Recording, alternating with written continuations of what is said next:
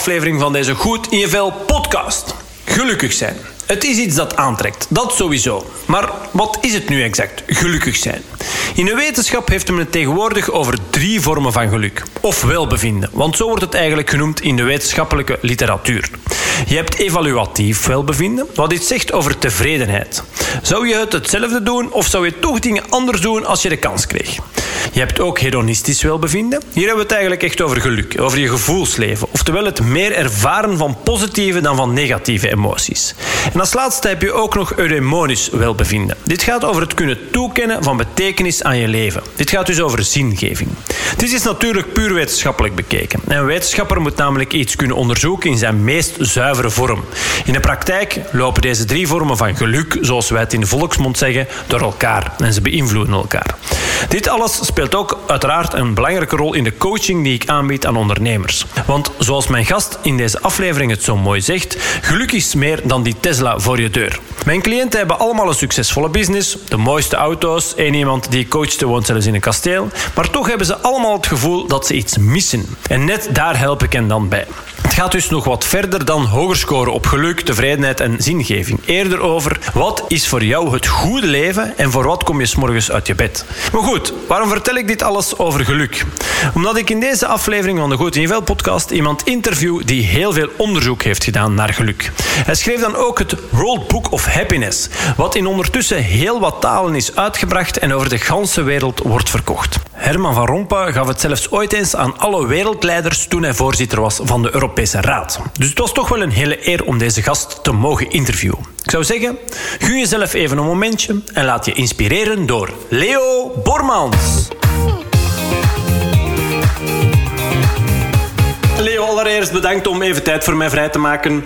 Uh, stel, jij ligt op je sterfbed. Hopelijk mag dat moment nog, nog lang wegblijven. Maar welke dingen wil jij je dan vooral kunnen herinneren? Het is een mooie vraag om te denken aan dat sterfbed. Want uh, in het geluksonderzoek gaat het daar dikwijls over. Hè. In uh, de World Book of Happiness, waarin ik al die professoren aan het woord heb gelaten, uh, had ik een Chinese professor ontmoet. Ik heb die ook in België uitgenodigd. En hij, hij had het over de goede dood. Hoe in China bijvoorbeeld het begrip de goede dood heel nauw gelinkt wordt aan geluk. En uh, dat is niet zo verwonderlijk dat heel veel van ons streven in ons leven eigenlijk enerzijds gaat het over we willen goed sterven, hè, maar daar gaan we het niet over hebben. Hè. Niemand wil graag over de dood spreken. Wij worden eigenlijk, wij leven in de denial of death, hè, de ontkenning van de dood. Als er één ding zeker is, dan weten we dat we doodgaan, maar daar willen we het vooral niet over hebben. Dus onze, al ons gedrag is eigenlijk een vermomming van onze grote panische angst voor de dood. Hè. Dat is ons gedrag. En als je dan zoiets leert als de goede dood, en daar zijn drie eigenschappen van die goede dood. Hè. Um, de, de, de, goede dood wil, wil zeggen dat je, dat je niet afziet, hè. Dat, je, um, dat je zorg krijgt hè, op het einde van je leven. Dat uh, je niet alleen sterft, dat je omringd wordt door mensen die jou graag zien. En um, dat je dat liefst doet op een plek die een beetje jouw thuis mag genoemd worden. De meeste mensen willen niet sterven in een ver land, zoiets. Die willen in hun eigen bed of in hun eigen huis doodgaan. Als je die drie dingen weet, dan zie je eigenlijk dat heel veel van ons streven, ons leven lang, eigenlijk gericht is op die goede dood. Hè? Waarom willen wij kinderen? Waarom willen wij familie rond ons heen? Omdat we dan zeker zijn dat er zorg voor ons wordt gedragen, natuurlijk. Hè. Wij willen niet op ons eentje sterven. Waarom zoeken wij vrienden op in ons leven? Omdat wij op het einde van ons leven uh, graag in contact zullen zijn met anderen en niet alleen ergens zielig moeten sterven. En waarom streven, we ons hele leven om dat plekje te vinden, ons eigen huis, ons eigen kamertje, ons eigen, ons eigen nest? Hè? Uh, omdat we niet alleen willen sterven ergens zo ver weg. Hè? Het ergste wat die Chinese professor me zei is dat we kunnen sterven in een ver land, in een bomaanslag bijvoorbeeld. Omdat je dan die drie dingen niet hebt. Niet omringd door zorg, wel pijn, geen vrienden, niet in je eigen huis. Dus jouw vraag naar hoe wil je eigenlijk op dat sterfbed uh, naar jouw leven kijken, heeft eigenlijk heel veel te maken met onze vraag naar gelukkig zijn. Hè. een goede dood willen sterven en niet ontkennen dat we allemaal doodgaan. En we weten één ding, één ding die ervoor zorgt dat we lang en gelukkig leven. Want ik doe veel onderzoek naar geluk, maar ook naar lang en naar langer leven natuurlijk. Want als we alleen maar, als we alleen maar langer leven en niet gelukkig zijn, dan kunnen we beter vroeg doodgaan. Hè? Dat is nogal duidelijk. Dus je zou eigenlijk beter lang en gelukkig leven. En sprookjes eindigen zo, maar in het wetenschappelijk onderzoek zien we ook dat mensen zeven jaar langer kunnen leven als ze één ding doen. Eén ding is voldoende om gemiddeld zeven jaar langer te leven. En dat ene ding is een positieve levensstijl ontwikkelen. Dat garandeert ons min of meer zeven jaar langer en gelukkig leven. Een positieve levensstijl. Dus mensen die klagen, zagen, zeuren, overal het negatieve inzien, geen relaties aangaan, uh, ruzie maken, uh, dat soort dingen die mensen leven gemiddeld zeven jaar minder lang. Dus als u de keuze hebt, dan weet u toch wat u zou doen in uw leven, denk ik. U hoeft daar zelfs geen extra inspanning voor te leveren. Hè. Een positieve levensstijl is voldoende.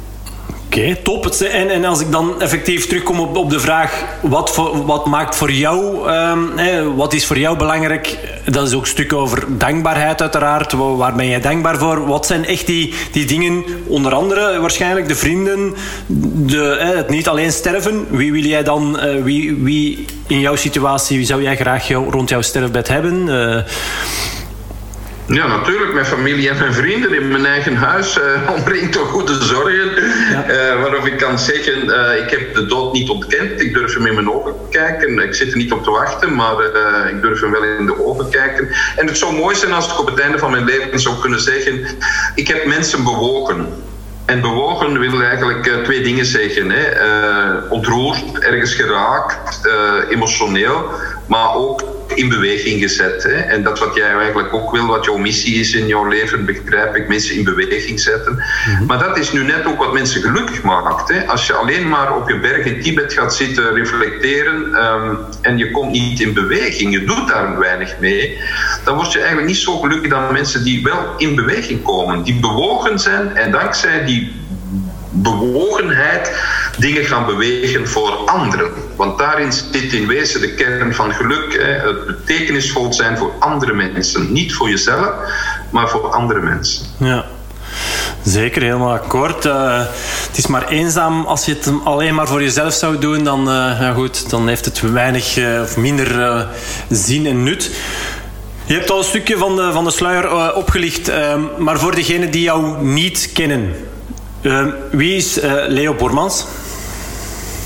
als je oud bent zoals ik, dan heb je al een lang leven gehad en dan kan je beginnen te vertellen over jouw jeugd en dan zie je daar wel wat rode draden in lopen. Uh, ik zou niet weten hoe ik mezelf moet typeren. Dat zijn heel veel dingen. Ik, uh, ik zal mezelf maar typeren als een soort circusartiest. Uh, ik had vroeger als kind een circus in de tuin en dan kwam de hele, hele wijk kwam naar het circus kijken. En ik was de directeur, de dierentemmer, de clown, de goochelaar, alles tegelijk. Maar ik was ook degene die de borden ging zetten in de straat van het circus gaat beginnen. En dat vind ik nog altijd wat ik eigenlijk uh, het liefste doe. Als ik zo niet in slaap geraak, dan droom ik van uh, zo'n ventje dat voor het circus op, op, met een rood autootje voorop rijdt om borden te gaan zetten van het circus gaat komen. Het wordt leuk. Het is niet, maar het wordt leuk. dus dat soort, dat soort boodschap denk ik dat ik nog altijd uitspreek van uh, er is hoop, er is geluk, er is liefde. Het is er nog niet allemaal, we zijn er nog niet, maar het circus komt eraan, de borden worden al gezet. En ik ben die die bordenzetter, denk ik. Uh, zo, zo, zo beschouw ik mij. En dat is mijn kinderdroom, het is nog altijd mijn ding. Um, ja, ja, daarom ben ik ook uh, aanvankelijk leraar geworden. Ik heb... Ik heb een de klasse bij het ministerie van Onderwijs opgericht. Dat, uh, ik heb daar een ploeg van 35 man gehad. En dan heb ik uiteindelijk uh, beslist om, om iets met geluk te doen en, en geluk te onderzoeken. Ik doe wetenschappelijk onderzoek naar geluk. Ik reis daar voor de wereld rond. Ik spreek met professoren, ik geef daar lezingen over.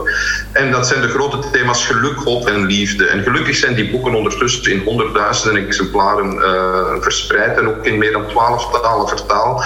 En dat zorgt ervoor dat ik um, ja, uh, die missie mag verspreiden en dat ik het gevoel heb dat mijn leven daardoor ook wat betekenisvol is. Oké. een heel, hele draad, maar ik vind het wel heel... Het is, het is, het is leuk om, om jou zo... Het, het, levensverhaal een stukje, hoe dat je daar dan tot tot ja, bent gekomen, hoe dat je daar bent in gegroeid. Want van uiteindelijk toch niet zo evident ja, als leraar begonnen, dan, dan die stap naar, naar het ministerie van Onderwijs en dan uiteindelijk nu um, ja, de wereld mogen rondtrekken om, om wetenschappelijk onderzoek te doen en daar dan ook over te mogen vertellen, is het toch een, eh, een mooi parcours. Maar ik vergeet nog heel veel dingen hoor. Ik heb ook heel veel boeken geschreven, maar ik ben ook kinders. Uh, ik heb ook in theater gezeten, ik heb films gemaakt. Ik, heb, ik, ik ben journalist geweest voor radio en televisie. Ik heb nog heel veel andere dingen gedaan, maar een mens, een mens vergeet op de. Ja, ja, ja, ja, Maar op dit moment is het al wat mij, wat mij, wat mij bezighoudt, is alles wat met geluk, hoop en liefde te maken heeft. En ik ben heel blij dat ik daardoor ja, heel veel contacten heb in heel de wereld. Mensen, ik krijg mails van mensen elke dag eh, die ergens in de wereld een boek van mij gelezen hebben en die zeggen: Ik heb daar dat of dat mee gedaan. Meestal zijn dat dingen die niet in die boeken staan. Maar dat vind ik geweldig dat mensen daar hun eigen, hun eigen interpretatie voor geven. Ja. Maar ik ben dus blij dat bijvoorbeeld op dit moment uh, Chinese kinderen mijn kinderboeken over geluk aan het lezen ze zijn op school en daar dan tekeningen over opsturen enzovoort. Ja, ja, ja. ja, ja ik, heb, uh, ik lees ook uh, onze kinderen voor uit uh, een van jouw boeken, Geluk voor Kinderen, um, met de vogels. heerlijk, ja. Um, ja, ja, fijn, dank u. Ja, het is, het is, echt, het is echt leuk om. Um, ja, hoe, inzicht. Het is, het is simplistisch, maar, maar heel herkenbaar. Ja, omdat ik uiteraard ook wel bezig ben met mensen zich goed laten voelen. Voor mij is het heel herkenbaar. En ik vind het heel, heel leuk dat ik regelmatig uh, kan terugverwijzen naar, naar onze dochter. Ze is maar vier jaar, maar, maar goed. Um, dat ik gewoon regelmatig... U zult, verbaasd zijn, u zult verbaasd zijn hoeveel kinderen weten over geluk. Hè? De, daarom gaan al die verhalen worden gevolgd door vraagjes over geluk. En de meeste reacties van leraren en ouders erop zijn van... Ik wist niet dat mijn kinderen zoveel wisten over geluk. Ik heb verdorie veel geleerd over geluk door naar die kinderen te luisteren. Leraren melden mij uh, dat ze uh, betere leraren zijn geworden dankzij die boeken over geluk voor kinderen. Omdat ze met die kinderen in discussie gaan, in gesprek gaan. En het gaat er niet om dat wij, dat wij de kinderen moeten leren wat ons gelukkig maakt. De kinderen leren ons wat ons uh, gelukkig maakt. Dat is het punt. Hè. Wij weten best, wij weten best wat ons gelukkig maakt. Ik probeer aan mijn kleinzoon van drie jaar in corona stuur ik hem uh, allerlei pakjes in een grote doos. En hij heeft de hele dag gespeeld met die grote doos, maar niet met de pakjes. En dat leert ons natuurlijk dat die lege doos, die, dat creatieve mogen invullen van die lege doos, is veel belangrijker dan dat uh, op voorhand gefabriceerde speelgoed. Ja. Dat weten kinderen. Het gaat er niet om dat wij niet weten wat we moeten doen. We weten heel goed wat we moeten doen. We weten dat je mensen niet moet pesten. Je weet dat je mensen geen pijn moet doen.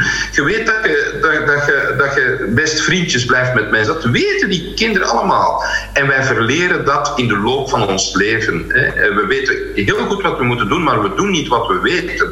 En daarom vind ik het fijn om in dat wetenschappelijk onderzoek op zoek te gaan naar wat weten we eigenlijk over geluk en hoe kunnen we ervoor zorgen dat mensen niet alleen die kennis hebben, maar dat ook gaan toepassen. Ja. Zeg, want, want uh, wat ik ook zo uh, mooi vind aan een kind, dat, dat een kind in het moment kan zijn. Hè? ook dat is toch een belangrijk gegeven, denk ik, van, van geluk. Dat, dat wij, wij als volwassenen, we willen precies altijd maar vooruit en terug naar naar het volgende. En, en de volgende melding, pushmelding op onze gsm en van het ene naar het andere. Terwijl een kind gewoon in het, meer in het nu kan zijn. Dat is toch ook een kind, een kind kan, uh, kan heel, heel goed, heel blij zijn, bijvoorbeeld. Heel vrolijk aan het spelen zijn. En er is geen enkel mens die aan een kind zal vragen: waarom ben jij nu blij? Waarom ben jij nu vrolijk? Maar als je dan aan een andere, aan een volwassen mens die, die lacht, of die, wat is er met u aan de hand? Wat is er? Waarom ben jij blij? Dan moeten we ons altijd verantwoorden van: ja, maar je bent toch wel een naïeve onnozelaar, dat jij een optimist bent of zo. Je moet ook de ellende van de wereld zien. Wel, we leren van een kind eigenlijk dat dat kind zich niet niet moet verantwoorden. Dat kind is gewoon blij. Omdat hij mag spelen, omdat hij met mensen in contact komt. Dat is gewoon blij, dat is, die zijn blij zonder daar een reden voor te kunnen noemen. Je moet aan kinderen niet vragen waarom ben je blij. Dat vragen we trouwens ook niet. Dat doen we alleen aan, aan, aan, oude mensen. Oh, nu zeg je nog blij ook nog. Wat is er nu aan de hand? Ja, ja. Dat, is, dat vind ik net zoals dat als ik um, ja, op de, de straat op ga. Hè, we wonen hier in, in, in het dorp van letterlijk onze straat noemt, dorp, maar ook het dorp, kleine dorp Bouwel, uh, vlakbij Grobbendonk. Um, wij gaan te voet naar, naar, eh, naar de school. Ik, ik, ik bedoel, de mensen, ik kom op straat hier en er komen mensen tegen en, en ik ga regelmatig een toertje lopen en zo. En ik, ik, ik lach naar de mensen, ik zeg een goede dag. En ook dat is, is precies, ja, ik weet niet, hè, sommige mensen kijken nu aan van wie zit jij? Wat is uw Ja, maar je, je, weet ook waarom dat jij het doet. Je, het, het, het, het, is niet omdat mensen vreemd kijken dat je ermee moet stoppen. Want het is net datgene wat ons gelukkig maakt. Hè? Dat, dat kleine beetje aandacht geven aan anderen en dat mensen daar een beetje van schrikken. Laat ze maar schrikken, hè? dat is niet zo erg.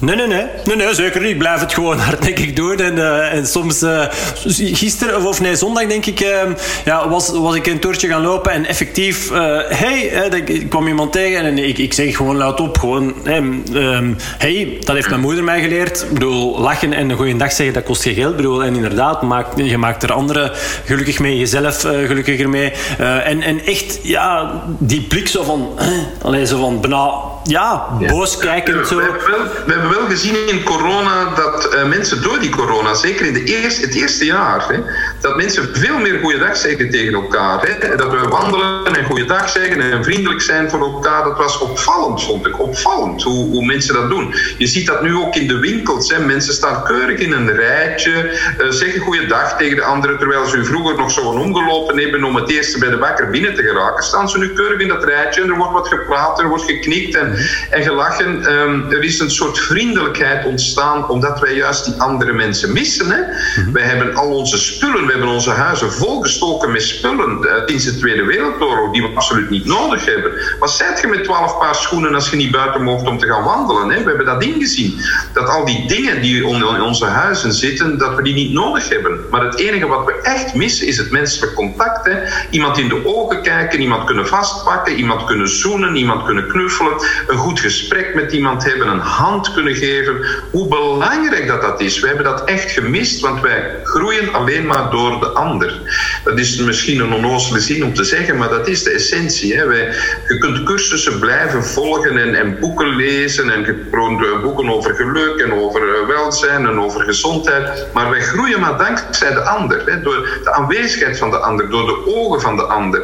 Men heeft ons lang wijsgemaakt dat de hel de anderen zijn, l'enfer autres. Dat is niet waar. Hè. Eh, de hel is de afwezigheid van de anderen. Ergens alleen moeten zijn in een woonzorgcentrum en daar zitten sterven terwijl er geen familie, vrienden of zo op bezoek mag komen. Dat is het ergste wat een mens zich kan voorstellen. Hè? Dat moeten we goed blijven beseffen. Hoe belangrijk andere mensen voor ons zijn. En, het belangrijkste inzicht daarbij is dat jij bent altijd die andere mens voor iemand anders. Hè?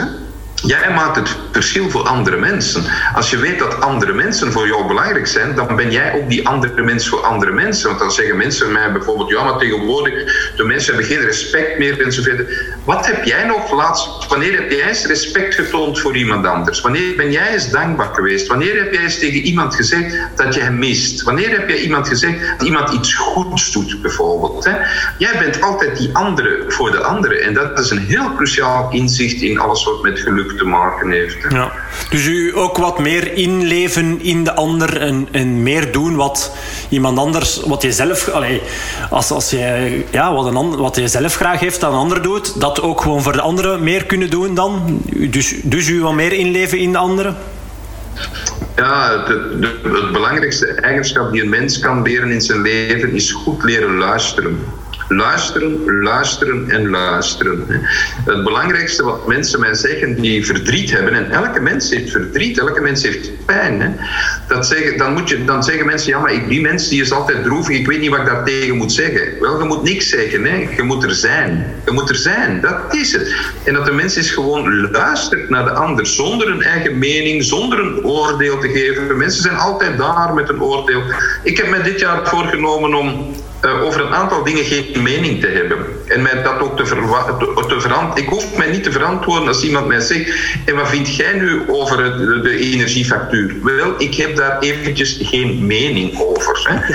En, uh, en als iedereen even zou nadenken of voor zou zeggen: Ik heb daar een mening over dan zouden we met z'n allen wel een beetje rustiger in het leven staan. Ik ben niet verplicht om over alles een mening te hebben. Laat staan dat ik anderen ga verplichten om mijn mening te delen. Ja, en je er, er druk in te maken. Ook dat toch? Hè? Want... Ach, ik kan ook niemand verplichten om gelukkig te zijn. Hè? Eh, er zijn ook mensen die zeggen, ja, maar dat is die mens van geluk en je komt altijd met optimisme en positief denken af en zo verder. Maar ik ga niemand verplichten om gelukkig te zijn. Als jij wilt ongelukkig zijn in je leven, I couldn't care less. Hè. Doe het alsjeblieft. Hè. Alleen is dat heel spijtig voor uw familie, vrienden, collega's die u omringen. Want geluk is en optimisme, positief denken, is een virus. Hè. Dat werkt als een virus. Hè. Dat, dat, is niet iets wat ik bedenk, dat zien we in heel veel wetenschappelijk onderzoek terugkomen. Dat is een viraal effect. Hè. De beste manier om een pessimist te worden, hè, is u te omringen met pessimisten. Hè. Dan word je zelf een pessimist. Hè. Ga bij de klagers en de zagers op een terrasje zitten en je komt thuis met een hoop pessimisme in je rug. Hè. Mhm. Zoek de optimisten op en je wordt zelf ook een vrolijker en beter mens. Hè. Dat is een viraal we zien dat ook in buurten, in wijken, zelfs op verdiepingen van appartementsgebouwen, zie je dat hoe verder je uh, verwijderd bent van de pessimisten, hoe beter dat het je afgaat. Dus uh, op je werk bij de collega's gaan staan die aan het zeuren zijn aan de koffie, uh, is, een, is een geen goed idee. Nee, ja, ja en, en ik heb ook zo al eens gelezen over een onderzoek dat um, als, als, um, als leider binnen een bedrijf, hè, als, als werkgever of, of als, als, ja, als leider, kan ook gewoon dat je x aantal mensen onder jou hebt uh, werken, hè, dat je een teamleader bent of zo, um, dat je als jij slecht gehumeurd uh, de, de werkvloer opstapt, binnenkomt, de ruimte binnenkomt, dat dat binnen de 7 à 8 seconden um, doorwerkt op, op iedereen op de werkvloer, dat er minder wordt uh, naar elkaar gestapt, dat er ineens wordt gemaild. Natuurlijk, als iemand, als iemand tegen jou zegt, je hebt precies ook niet goed geslapen vandaag.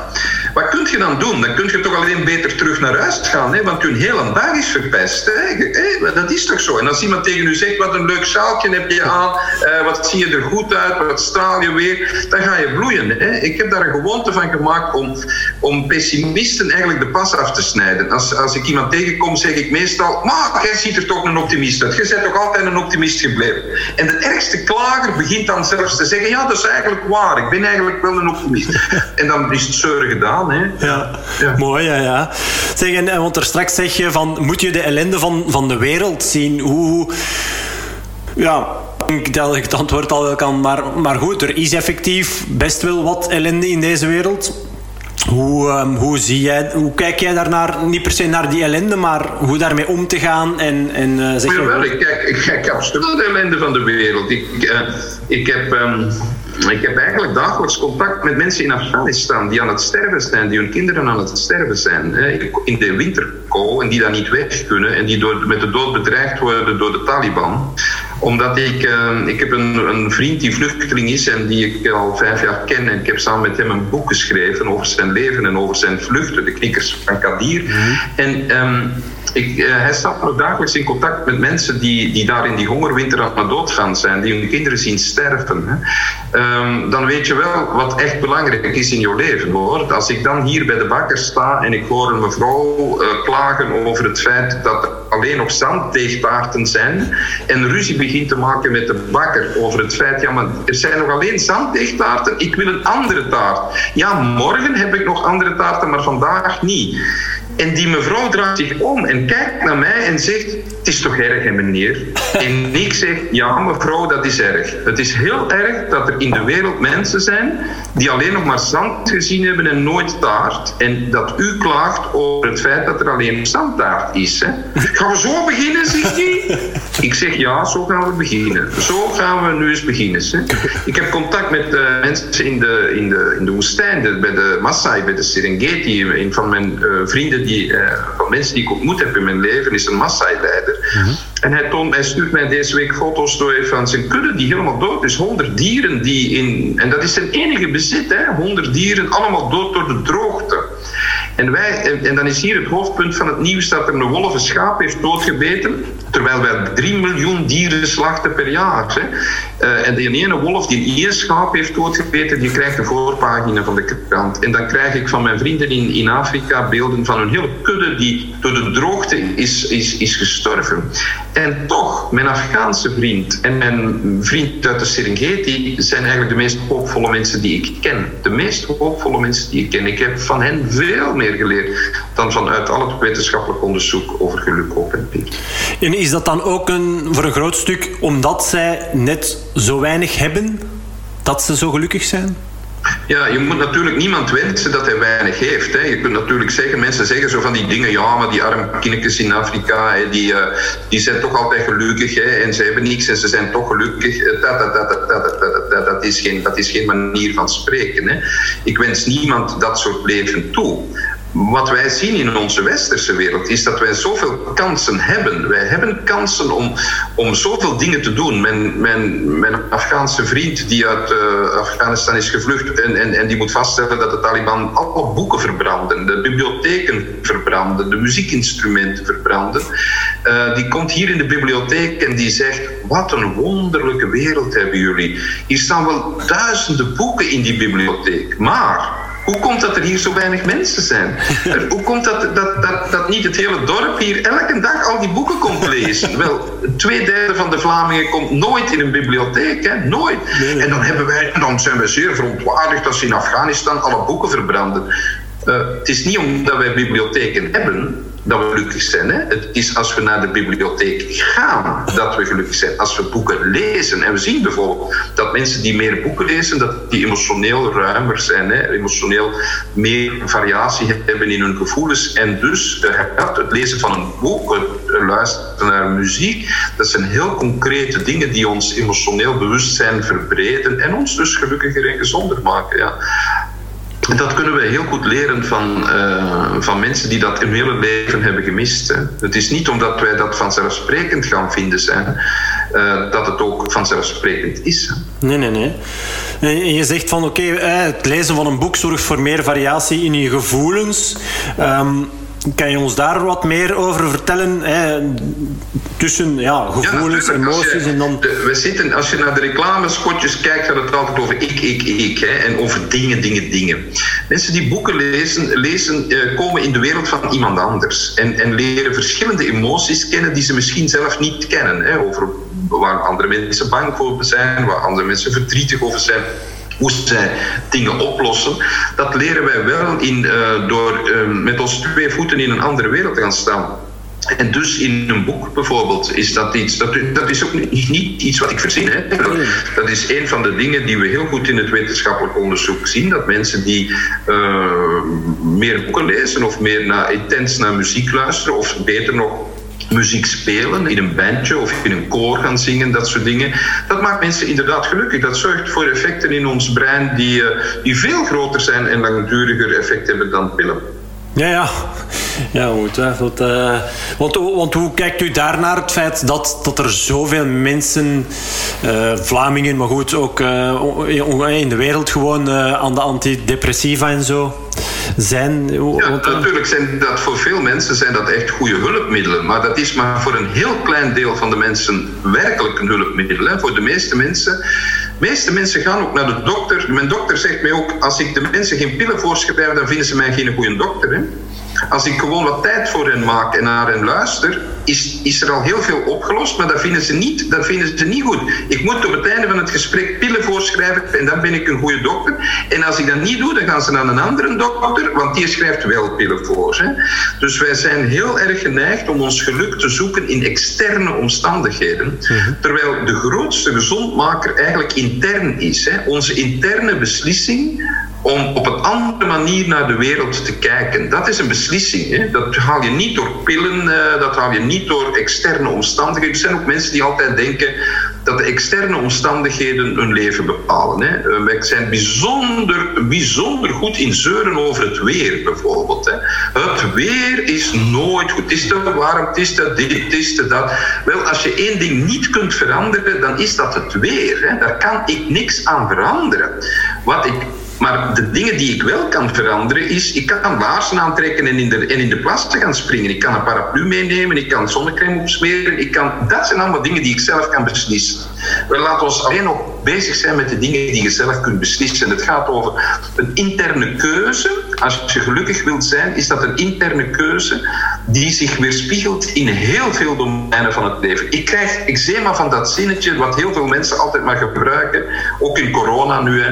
Ja, het is wat het is. Het is, het is wat het is, hè. Ja, het is wat is. Wel, het is niet wat het is. Er zijn twee dingen die daarin heel cruciaal zijn. Eén, de dingen zijn niet wat ze zijn. De dingen zijn wat wij denken dat ze zijn. Er is een interface. Er is iets tussen die dingen. Hè. Uh, een een, een, een, regenplas kan, is niet per definitie negatief. Hè. Regen is niet per definitie negatief. Dat is hoe ik daarnaar kijk. En dat bepaal ik zelf. Dat bepaal ik zelf. Wij wonen in een groen land. Dankzij het feit dat hier regent af en toe, gaan onze koeien niet dood. Hè. Dat is een van de dingen. Hè. Dus als ik daar positief naar leer kijken, dan is het niet wat het is het is wat ik denk dat het is. En het tweede ding, als je zegt het is wat het is, betekent dat eigenlijk dat je daar niks aan kunt veranderen. Wel, aan elke situatie kunt je zelf iets veranderen. Al is dat niet heel veel. Ik leer bijvoorbeeld heel veel van een contact dat ik heb met uh, een jongen die in een rolstoel zit die zijn hele lichaam verlamd is door een spierziekte, maar die met zijn brani, met zijn verstand heel, heel, heel, heel erg. Hij leest Dostoevsky en Tolstoy en Thomas Mann. En we hebben daar hele fijne gesprekken over. Maar wat hij niet kan veranderen is dat hij in een rolstoel zit. Dat kan hij niet veranderen.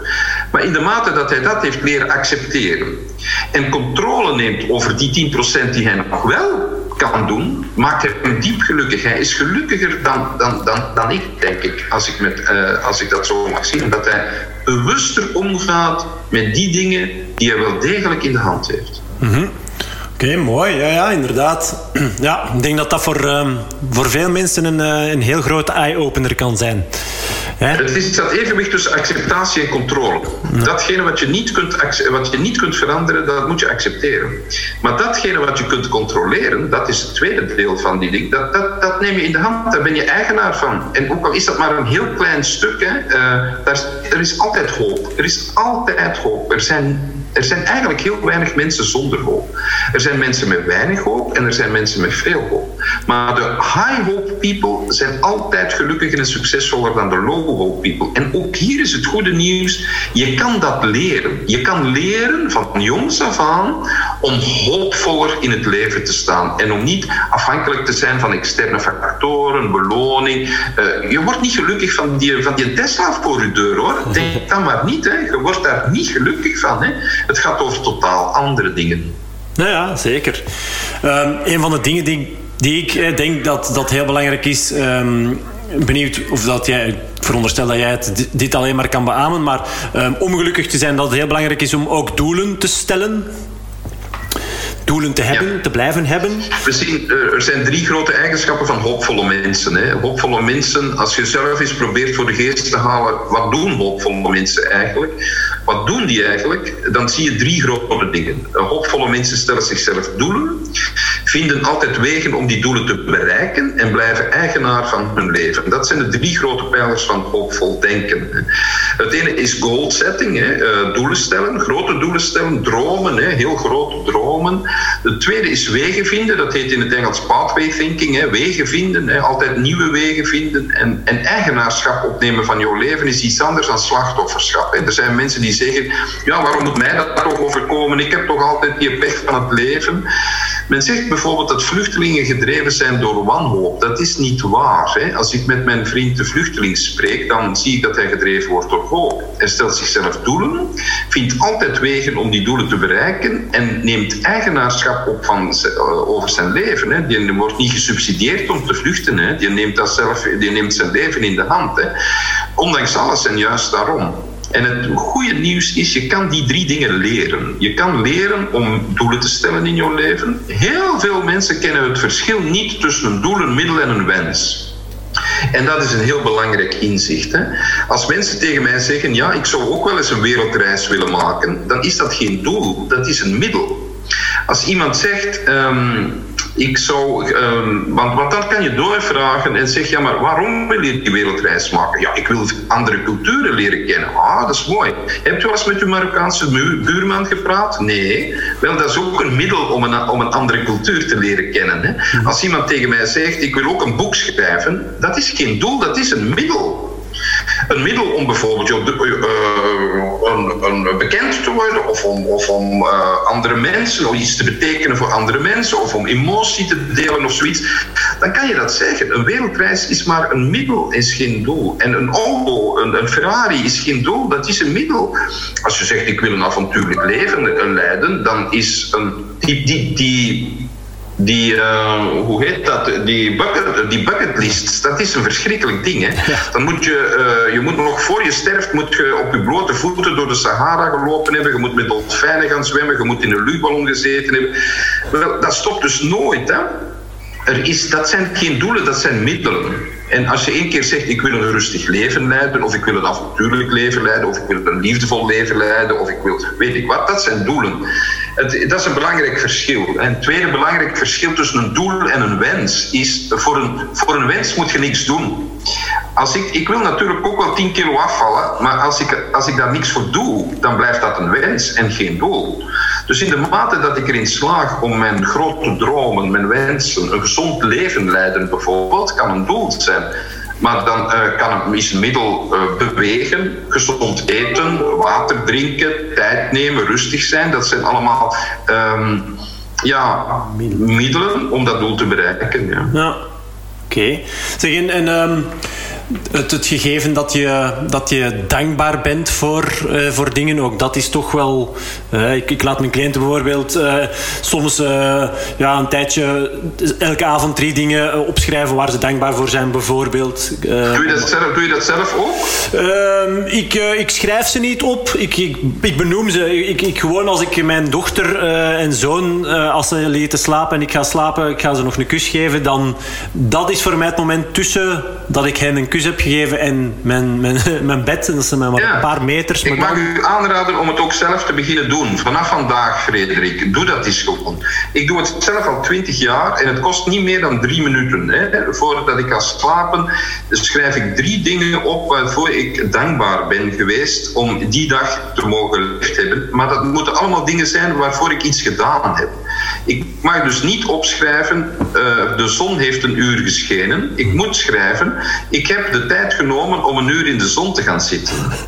Dat is een activiteit die ik gedaan heb. Dus ik, uh, dat is heel cruciaal. En ik, heb dat, ik doe dat al twintig jaar. Dat betekent dat ik inderdaad een dagboek heb waar als je dat drie keer drie positieve dingen per dag, dat zijn er meer dan duizend op een jaar. Hè. Dus als het jaar om is, dan blader ik even door, dat, door dat boekje en dan zeg ik, god, ik heb duizend positieve dingen meegemaakt dit jaar. Natuurlijk zijn mijn ouders ook gestorven en zo verder. Maar Terzelfde tijd heb ik ook duizend dingen waarvoor ik dankbaar ben. En ik heb er iets voor gedaan.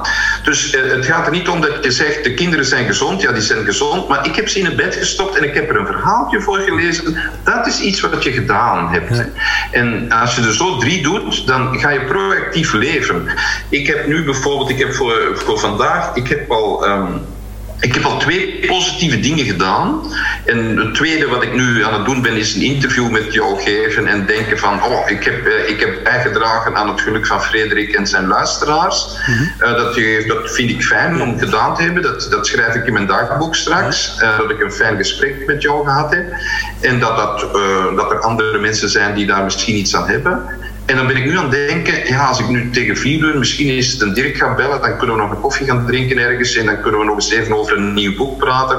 Uh, dan, heb ik, uh, dan heb ik drie dingen. Je begint dus proactief te denken van, dat, je, dat je niet, uh, dat, waardoor je eigenaar wordt van je leven. En dat kan iedereen op elk moment in zijn leven. Zelfs als het heel moeilijk gaat, zelfs in heel moeilijke omstandigheden. Ik spreek met, ik spreek met heel veel mensen die, die met zelfdoding te maken hebben, met mensen die in de gevangenis zitten, mensen met een handicap, mensen, jonge criminelen, drugverslaafden, noem maar op. Ik heb ze allemaal gezien.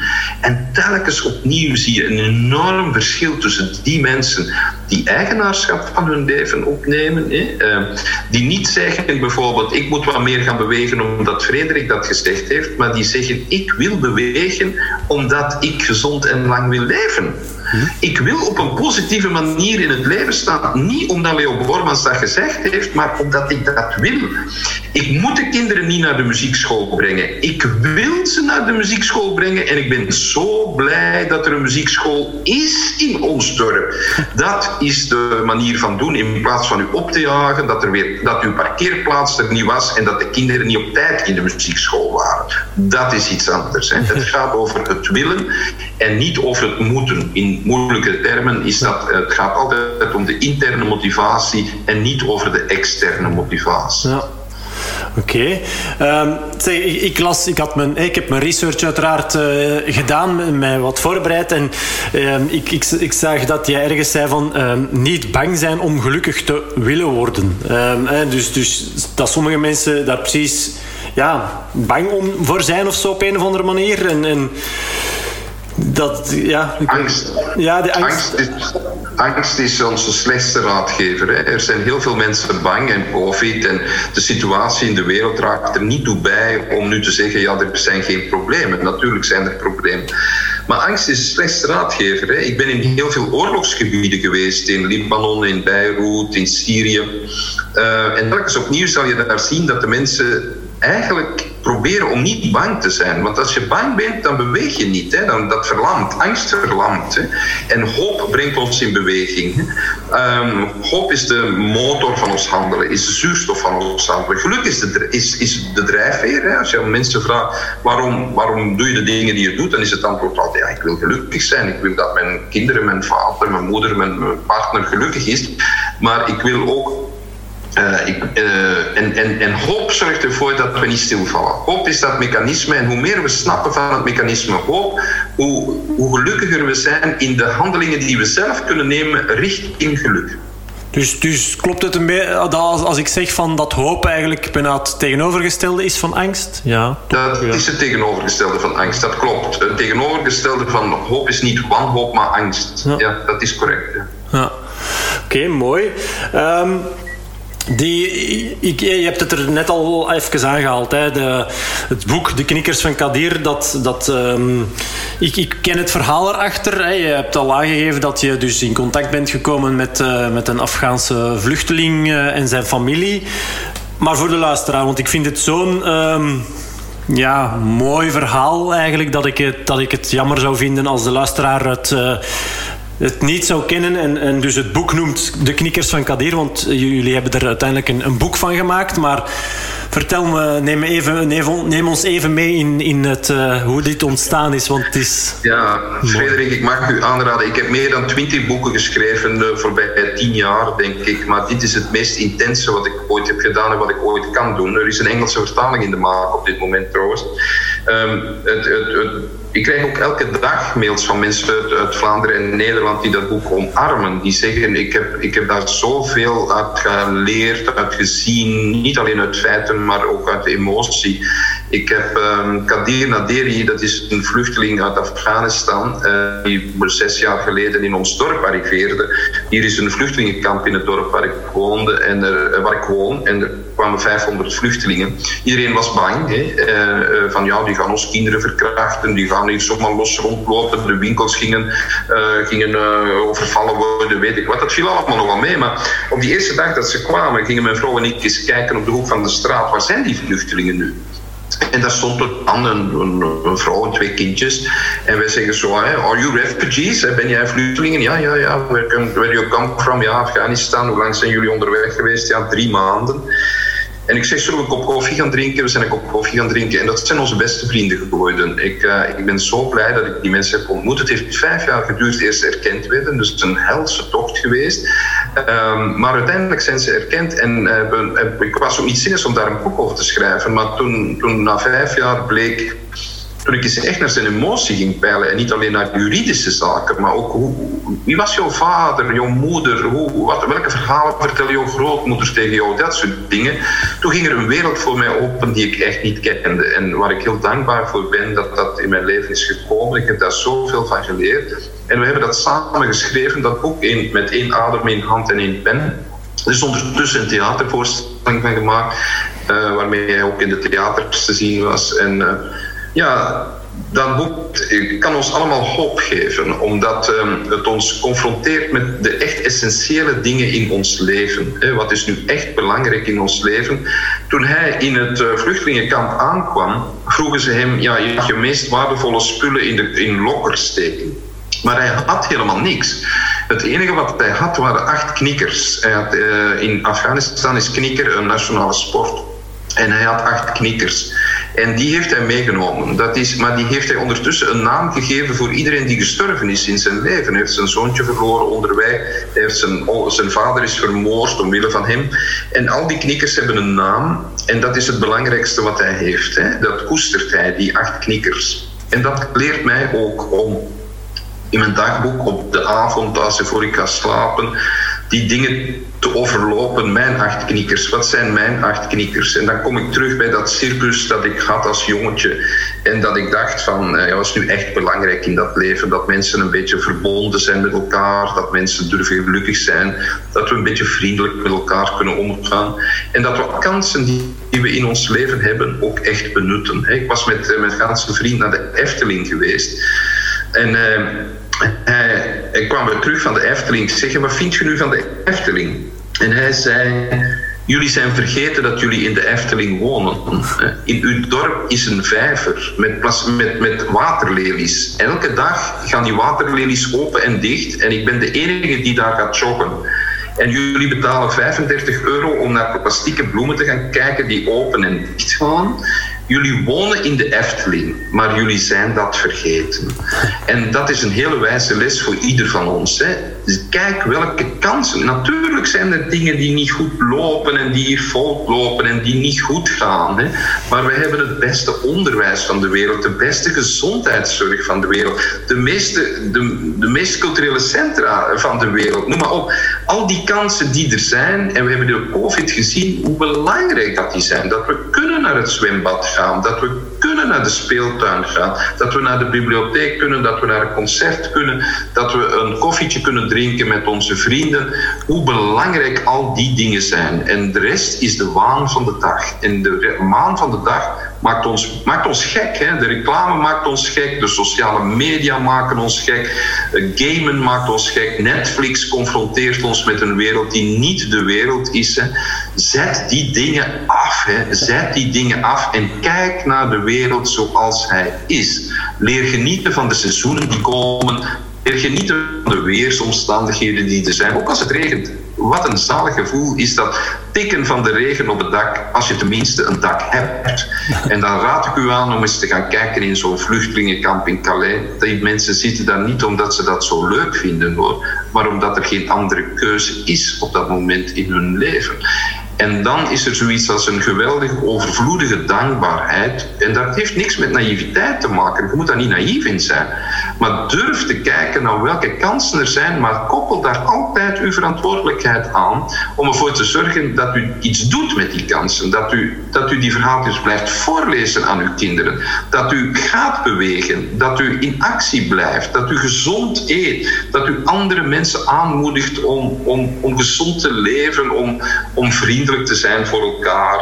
Dat zijn, dat zijn geen onnozele dingen hoor. Dat, zijn, dat blijkt ook elke keer uit wetenschappelijk onderzoek opnieuw. Dat zijn de heel essentiële dingen. Ja, oké. Okay, um ik, voor we overgaan naar het rapport van, van Leo Bormans, ik, ik ben heel benieuwd. Ik peil Krijg altijd... ook een rapport? Dat wist ik niet. Ja, ja ik, ik peil altijd naar, naar de psychologische en de biologische basisbehoeften. Um, en ik, ben, ik, ik, ik, laat jou de kans om jou zelf een cijfer op 100 te geven. Uh, ah ja, ik mag het rapport zelf ja, je mag het zelf Ja, dat moeten ze de kinderen... Dat, dat is een goede methode om dat de kinderen op school ook te laten doen. dat rapport... Dat mijn Afghaanse vrienden, mijn Afghaanse vrienden, een dochtertje is tien jaar oud. En ze was van school gekomen en ze was zo trots. Ze was verkozen door de klas tot de goedste leerling. De goedste leerling. ik, ik zeg, heb je dat woord nu zelf bedacht of wat? Of heeft de juf dat gezegd? Nee, ik ben de goedste leerling, zei ze. Ik zeg, dat woord moeten we invoeren in, in onze taal, want dat bestaat niet. Maar er is een verschil tussen de goedste leerling en de beste leerling. Hè? Ik zou heel graag de goedste leerling van de klas zijn, maar ik wil niet de beste zijn. En goed doen, dan voor anderen en Goed, goed doen voor andere mensen, ja. Dat is, daarin zit het goede natuurlijk. Hè. Het goede zit niet in egoïsme. Het goede zit in geluk delen met andere mensen. Andere mensen de kans geven om ook gelukkig te zijn. En aanmoedigen te verbinden met elkaar en dat soort dingen. Ja. De goedste leerling van de klas ook. Wat ik graag zo'n diploma hebben. Ja, ja, zeker.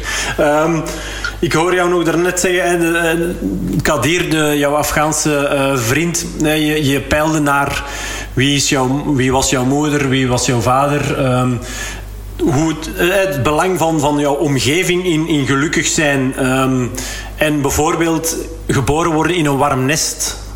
Wat is daar, uh, daar is toch ook een belangrijke... Uh, de relatie die je hebt met je ouders, die heeft toch een, een grote impact op, op jouw geluk. En kan je ons daar nog even kort iets...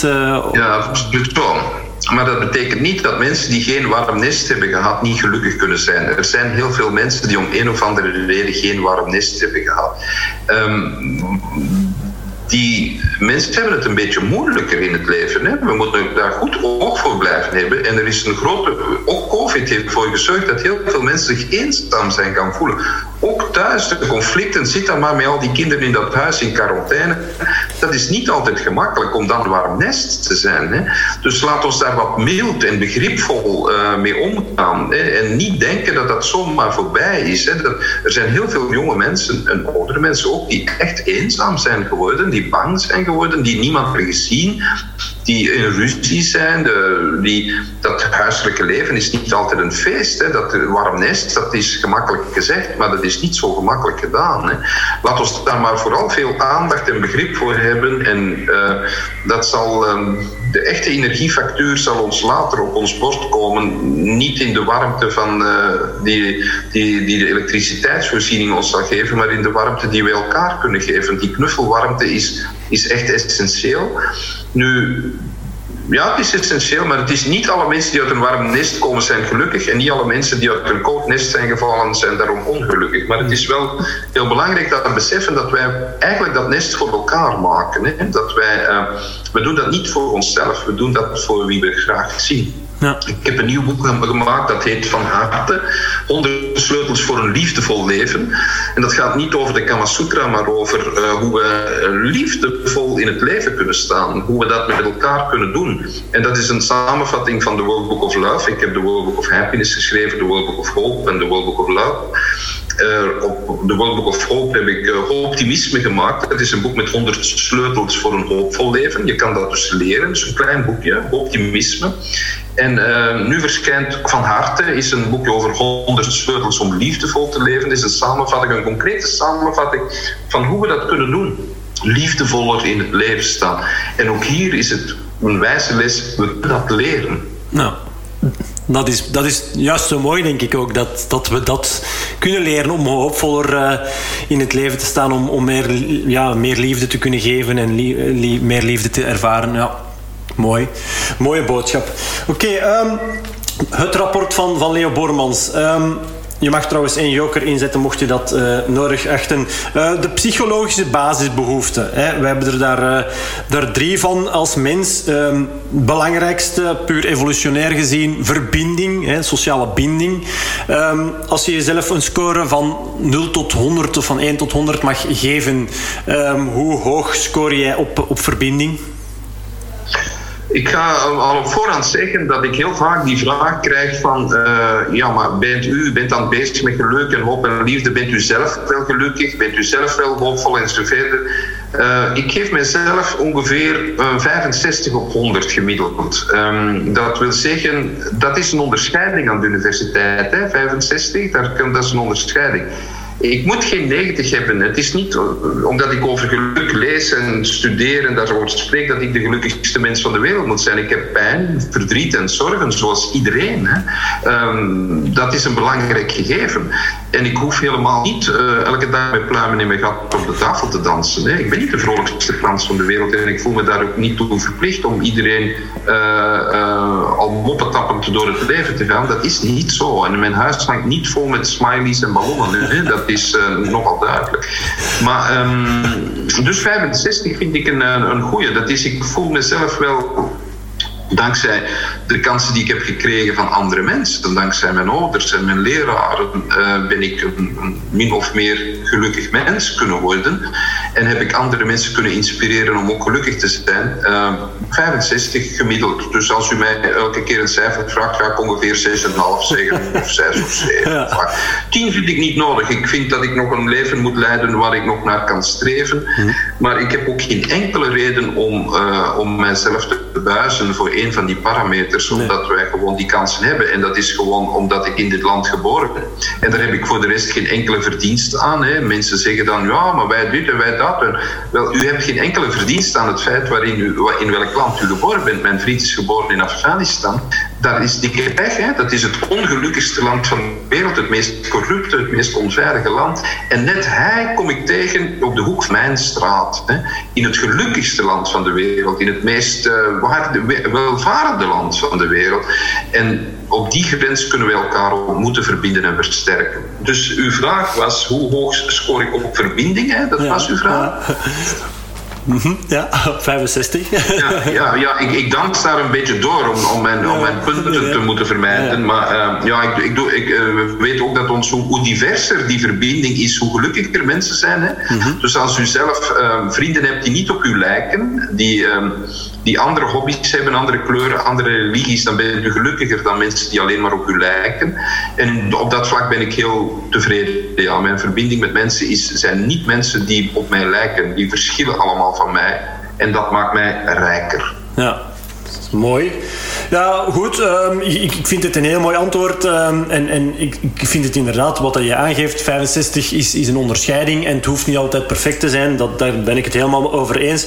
Um, dus voor mij is het perfect oké dat ik hier bij elke basisbehoefte 65 op 100 zet. Maar ik, ik, stel voor dat we ze toch nog gewoon even uh, overlopen. Ook voor de luisteraar. Ik zou ook heel graag hebben dat u als leraar uh, mij niet zou beoordelen op, op, op wie ik ben, maar op wat ik doe. Um, er zijn heel veel mensen die zeggen: Ah, wat ben jij slim, wat ben jij toch mooi, wat ben je toch knap, wat ben jij toch handig. Wel, nee, dat zijn allemaal dingen. Je moet mensen nooit beoordelen op, op, op iets wat ze zijn, maar op wat ze doen, op een inspanning die ze geleverd hebben. En dus de goedste leerling is niet degene die de beste resultaten heeft gehaald, maar zich heeft ingespannen om, om iets goeds voor anderen te betekenen. En dat kunnen we nastreven. En dus ook bij het geven van punten en rapporten, uh, feedback, uh, schouderklopjes, complimenten. Zeg nooit hoe slim of hoe mooi iemand is, maar beloont zijn inspanning, zijn doorzettingsvermogen, zijn wil om, om van stap 1 naar stap 2 te gaan. En dat is iets wat wel degelijk helpt. Hè. Dus uh, verbinding, ja, ik scoor daarop, maar dat is vooral omdat ik ik heb, ik heb de keuze. Ik kan natuurlijk voor die vluchteling gaan lopen of ik kan er een koffie mee gaan drinken. Hè. Dat is een stap die ik heb gezet. Mhm. En daar wil ik mezelf wel voor belonen. Ja, ja, ja zeker. Mooi. Uh, ik herken mezelf er ook in. Hier in, in het dorp woont ook een dame die um, in, in het dorp hiernaast in de kringloopwinkel um, werkt. En um, ja, een, een donkere... Ik, ik, ik, heb, ik, ik, zeg, ik heb er... Maar je opent mijn ogen wel. Ik, ik zeg er gewoon heel vaak uh, heel vriendelijk een goede dag tegen. En, en we hebben oogcontact en we, we knikken naar elkaar. En, en ik, ik denk... Ik weet niet of ik de enige ben in, in het dorp die echt uh, haar uh, warm goede dag zegt. Maar in ieder geval dat voelt soms toch zo. Dat weet je wel. Um, en dat geeft mij in ieder geval een goed gevoel om daar... Um, om, om gewoon op zijn minst vriendelijk te zijn. Ik bedoel, voor mij is elke mens gelijk. En, en dus ik zou niet weten waarom dat ik niet tegen haar vriendelijk zou zijn en tegen de anderen wel. Um, maar ja, het is een goed idee om, om haar ook gewoon eens, uh, eens aan te spreken en eens te vragen. Ja, maar die diversiteit zit in heel veel mensen. Dus bijvoorbeeld, ik, ik, was, ik kende niemand die in een rolstoel zat bijvoorbeeld. Maar door met Brent naar het theater te gaan, gaat men elke... Ik ben daar zo, zo blij van. Ik word daar gewoon blij van, omdat ik door andere ogen leer kijken naar die werkelijkheid. En dat is natuurlijk die zin waar we het daar straks over hadden. Het is wat het is. Nee, het is niet wat het is. Het is hoe je ernaar kijkt. -hmm. Ja, ja, zeker.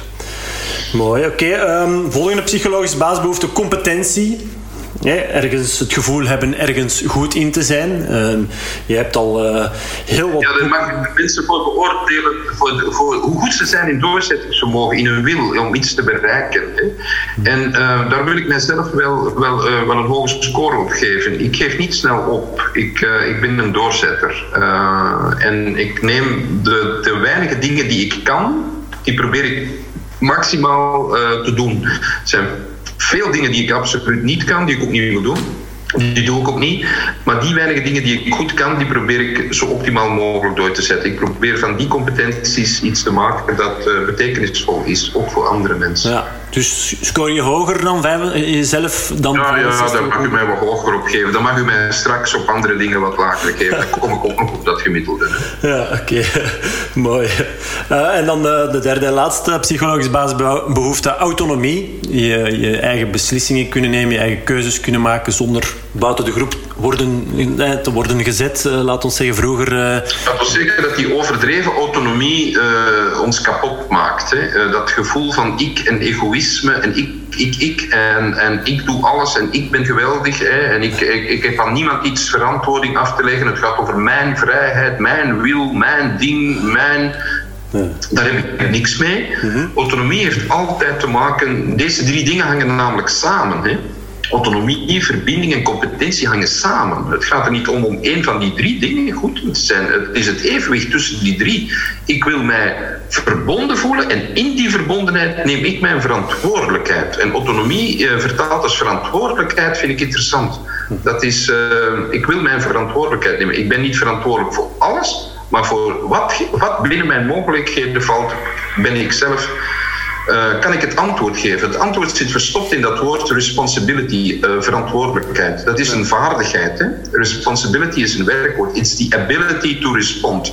Ik ben vaardig om te to respond op de werkelijkheid die zich aandient aan mij. Dat is verantwoordelijkheid. En autonomie vertaal ik als dat evenwicht tussen acceptatie en controle, dat uiteindelijk gaat over gedeelde verantwoordelijkheid.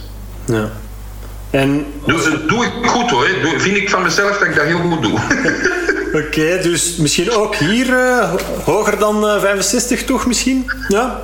Mijn, mijn, autonomie, ik moet, ik moet oppassen uh, daarvoor, want ik, ik, moet, ik moet mij blijven verbinden met andere mensen ja. of ik ga te veel mijn eigen weg. Ja. En dus dat evenwicht, het is dat evenwicht tussen ja. verbinding en autonomie dat, dat ons een beetje gelukkiger maakt. Ja, ja.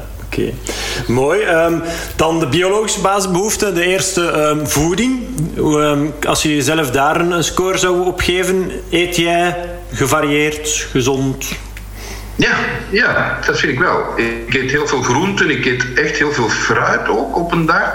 Um, ik heb, um, ja, ik, ik vind dat ik gezond eet, ja. Dat, dat, daar probeer ik ook echt wel op te letten. Op groenten en fruit te eten en op uh, niet te veel vlees te eten, dat soort dingen. Ik moet natuurlijk oppassen met, um, met alles wat te lekker is.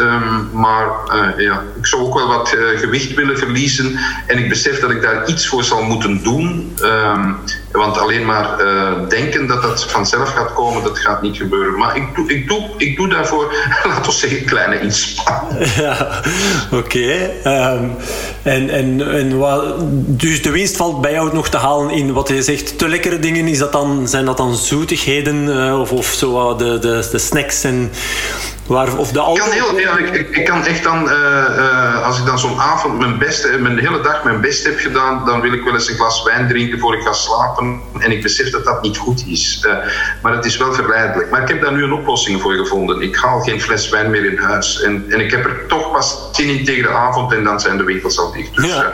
door, door het gewoon niet in huis te halen, is het al, um, is het, gaat het al een beetje beter. Ja, maar ik vind dat soms ook gewoon dat ik, dat ik dat verdiend heb. Maar nu heb ik geleerd dat eigenlijk een warme thee uh, ook een, een, beloning kan zijn. Um, dus ik ben nu aan het leren van niet te denken dat dat glas wijn een beloning is, maar dat dat eigenlijk een straf is. Dat dat mij de volgende dag niet gelukkiger maakt. En ik ben daar nu zo aan het bekijken van, ik zeg nu tegen die fles, bah, en ik probeer tegen die theezakjes goedemorgen te zeggen. En het, is, het zijn dat soort onnozeliteiten die helpen om een mens een beetje de goede richting in zijn leven te brengen. Ja, ja, zeker, zeker. Uh, zeg, en, en, op slaap, ook een belangrijke biologische basisbehoefte uiteraard. Um... Ik slaap overal waar ik, uh, waar ik mijn hoofd neerleg, slaap ik. Op een luchthaven, op de grond, uh, ergens op een bankje. ik kan heel goed slapen, ja, dat, dat is mijn geluk. Ja. Ik slaap minstens acht uur per nacht. Ik lig ook nooit wakker. Als ik tien minuten wakker lig, dan sta ik op en dan ga ik iets anders doen, want dat helpt ook niet meer. Uh, maar dat gebeurt heel zelden. Ik, uh, ik ben een gelukkig een goede slaper. Goeie tip trouwens, hè, inderdaad. Als je te lang wakker ligt en het ligt te woelen, ga dan gewoon uit je bed en ga even iets anders doen. Ja, ja maar ik blijf niet piekeren. Dat, uh, piekeren is een heel slecht. Uh, dat doe ik ook eigenlijk heel weinig. Ja, oké, mooi. Um, wat betreft beweging, hoe scoor je? elke dag uh, minstens een uur wandelen. Uh, en de, corona heeft mij gestimuleerd om dat nog meer te doen. Maar ik, ja, vroeger zou ik na een uurtje wandelen al gezegd hebben: het is goed geweest. Maar nu doe ik twee uur soms. En, en als ik met vrienden. Ik heb nieuwe vrienden gemaakt in, tijdens corona, waarmee ik dan gewoon wandelvrienden, waar ik mee afspreek om, om, om door de bossen te gaan wandelen, wat ook mijn contact met de natuur heeft versterkt, wat ook zo'n geluksbrenger is uiteraard. Ja, wel, dat brengt mij inderdaad bij de volgende puntje wat ik wou aanhalen, natuur. Dus ook daar scoor jij best goed. Je gaat meestal wandelen in, tussen het groen. Ja, ik woon in Limburg en dat betekent dat ik heel veel bossen in de directe omgeving heb. Dus eh, wandelen in de bossen, uh, ik moet daar echt alleen maar mijn schoenen voor aan doen en dan zijn we vertrokken. Maar we zien inderdaad dat in het hele geluksonderzoek dat mensen die contact hebben met de natuur, die uh, de seizoenen kunnen volgen, dat die gelukkiger zijn. En mensen die in een ziekenhuis liggen met zicht op op, op bomen of de natuur gaan gemiddeld één dag minder lang in het ziekenhuis moeten verblijven. En kinderen die een schooltuin leren onderhouden, uh, hebben betere resultaten op heel veel domeinen. Omdat ze leren geduld opbrengen. Uh, radijsjes komen niet zomaar uit de grond. Uh, je moet dingen water en zuurstof geven. Dus contact met de natuur, met de seizoenen, leert ons dat dat niet alles onmiddellijk uh, gebeurt, dat er een soort cyclus is. En ik leer dat ook door zowel van de herfst, de lente als de winter te genieten in de bossen waarin ik mag gaan wandelen. Nou, oké, mooi. Ja, dat, dat van die uh, zicht op de... Ik, ik, wist wel dat er, daar heb ik ook al wel onderzoeken over gelezen, dat, dat als er uh, zich groen in jouw werkomgeving uh, bevindt, dat dat allerlei positieve effecten heeft. Maar ja, het ziekenhuis... Ja, ja, ook in je woonomgeving. Ze hebben dat berekend. Zelfs als je een kilometer van een parkje woont, of twee kilometer of drie kilometer, hoe verder je van dat parkje woont of een groene omgeving, hoe minder gelukkig je wordt. Ja.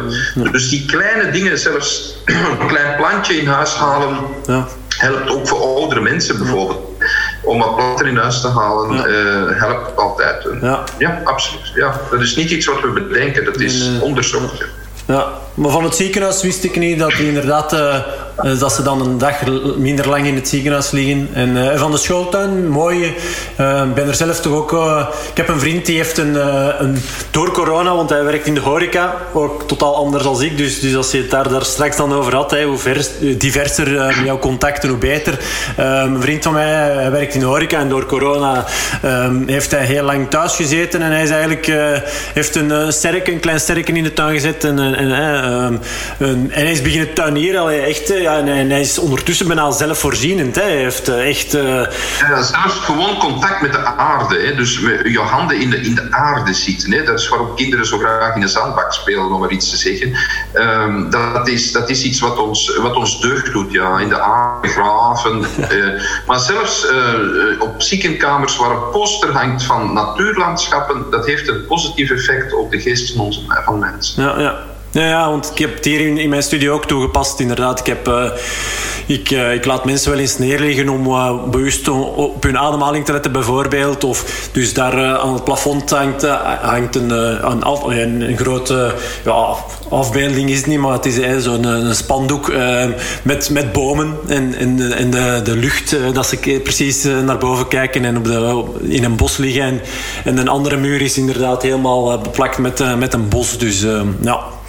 Oké, goed. En dan uh, de, de, laatste uh, biologische basisbehoefte, ja, voortplanting. Daar hebben we het nog niet over gehad. Uh, ja, je hebt er straks wel, als ik zei van wie wil, of wat wil je je vooral kunnen herinneren als je op je sterfbed ligt, zei je wel mijn familie. Heb jij kinderen? Heb jij je voort kunnen planten? Of is dat... Het is geen basisvoorwaarde om gelukkig te zijn. Hè. Er zijn veel singles die gelukkiger zijn dan gestroomde stellen. Hè. het is niet zo dat je dat het geluk zit in, in dat idee dat we ons moeten voortplanten. Er zijn heel veel mensen die, die geen kinderen hebben en die best gelukkig zijn. En er zijn mensen die kinderen hebben die heel ongelukkig zijn. Dus er is geen oorzakelijk verband. Wat we wel zien is als je erin slaagt om iets door te geven in je leven. Um, en dat kan zijn aan kleinkinderen, maar dat kan ook op andere manieren. Uh, dat mensen iets willen betekenen dat, dat ze kunnen doorgeven. Dan maakt ons dat wel gelukkig. In mijn geval is dat, zijn dat zeker mijn kleinkinderen waar ik, ehm, zoals elke grootouder, ehm, bijzonder trots en heel, heel, ontroerd mee kan zijn. Ik had eh, deze week een gesprek met mijn kleinzoon van drie jaar en ik had hem een verhaaltje verteld over de drie biggetjes. En, en, ik zeg, en ik zag dat hij een beetje bang was. Ik zeg, ja, maar dat is niet echt. Zeg, dat verhaal is niet echt. En toen zei hij tegen mij, ja, dat weet ik. Het zit in jouw hoofd, zei hij. En ik zei, maar het zit ook in jouw hoofd. Ja, zei hij, um, verhalen die niet echt zijn, die zitten in, in mijn hoofd of in jouw hoofd. En dan zitten ze in ons hoofd. En ik zeg, en hoe raken die nu van mijn hoofd naar jouw hoofd? En dan zie ik hem denken en dan bedenkt hij, zo'n ventje van drie jaar, dat gaat via uw voeten naar uw knieën, door uw keel en zo komt dat in uw hoofd en zo komt dat in ons hoofd. En zo leert hij mij hoe verhalen ontstaan en hoe wij verbinding hebben dankzij verhalen. En dat is iets wat ik in het wetenschappelijk onderzoek heel vaak tegenkom. Hè. De grote kracht van de mens is zijn verbeelding, zijn fantasie. En als ik daar met mijn kleinzoon van drie zo'n gesprek kan voeren van het gaat van jouw hoofd naar mijn hoofd en dan zit het in ons hoofd. Dat is misschien ook de samenvatting van wat jij met zo'n podcast doet. Het zit in jouw hoofd, het zit in mijn hoofd en nu zit het in ons hoofd. Ja, ja. En dat leer ik dan van mijn kleinkinderen ja. en dat maakt me intens gelukkig. Ja, ja, heel mooi inderdaad. Uh, ja, schitterend. Ja. Oké, top. Um, is er nog iets wat ik jou um, niet heb gevraagd, maar jou had moeten vragen? Nee hoor, want je had gezegd dat dit gesprek een half uur ging duren en we zijn al ver over tijd. En ik uh, denk nu van ik ga mijn wandelschoenen aandoen. Ja. Ik stop met regelen, ik ga wandelen en ik ga een koffietje drinken met mijn vrouw. En straks uh, bel ik nog een vriend op, want ik moet die drie dingen gedaan ja. hebben die mij vandaag actief gelukkig hebben. Alright, top. Heerlijk. Um, ja, het was interessant. Bedankt uh, voor jouw tijd alvast. Um, het, was heel, het was heel interessant tot ergens onderweg. ja, bedankt. Ziezo, dat was hij weer al. Maatloos interessant, hè? Ik ben benieuwd wat jij ervan vond. Laat maar even van je horen, zou ik zeggen. Je mag me altijd mailen naar freatwordfit.be. Wil jij een overzicht van Leo's boeken die je schreef? Surf dan even naar www.wordfit.be-leo Bormans. Daar vind je ze allemaal terug. Er zitten echt tal van toppers tussen. Van een topper gesproken. In de volgende aflevering interview ik een multigetalenteerde dame. Chef Benjam, oprichter van Bye Bye Cheeseburger, zangeres. Ik heb het over Steffi Vertriest. Ook dit, dit kan ik nu al zeggen, werd een heel boeiend gesprek. Wil jij op de hoogte worden gehouden als ik een nieuwe aflevering van deze podcast online zet? Abonneer je dan even op dit podcastkanaal. By the way, je kan nu ook de interviews van deze podcast op YouTube, dus met beeld, bekijken. Check maar even Word Fit TV op YouTube. Voor nu bedankt om te luisteren. Zorg dat je een episch leven kan leiden voor jezelf en je naasten. Creëer het zelf. Er is zoveel mogelijk, zoveel meer dan je eigenlijk voor mogelijk houdt. En ik zou zeggen, geniet ervan. Tot snel. Bye.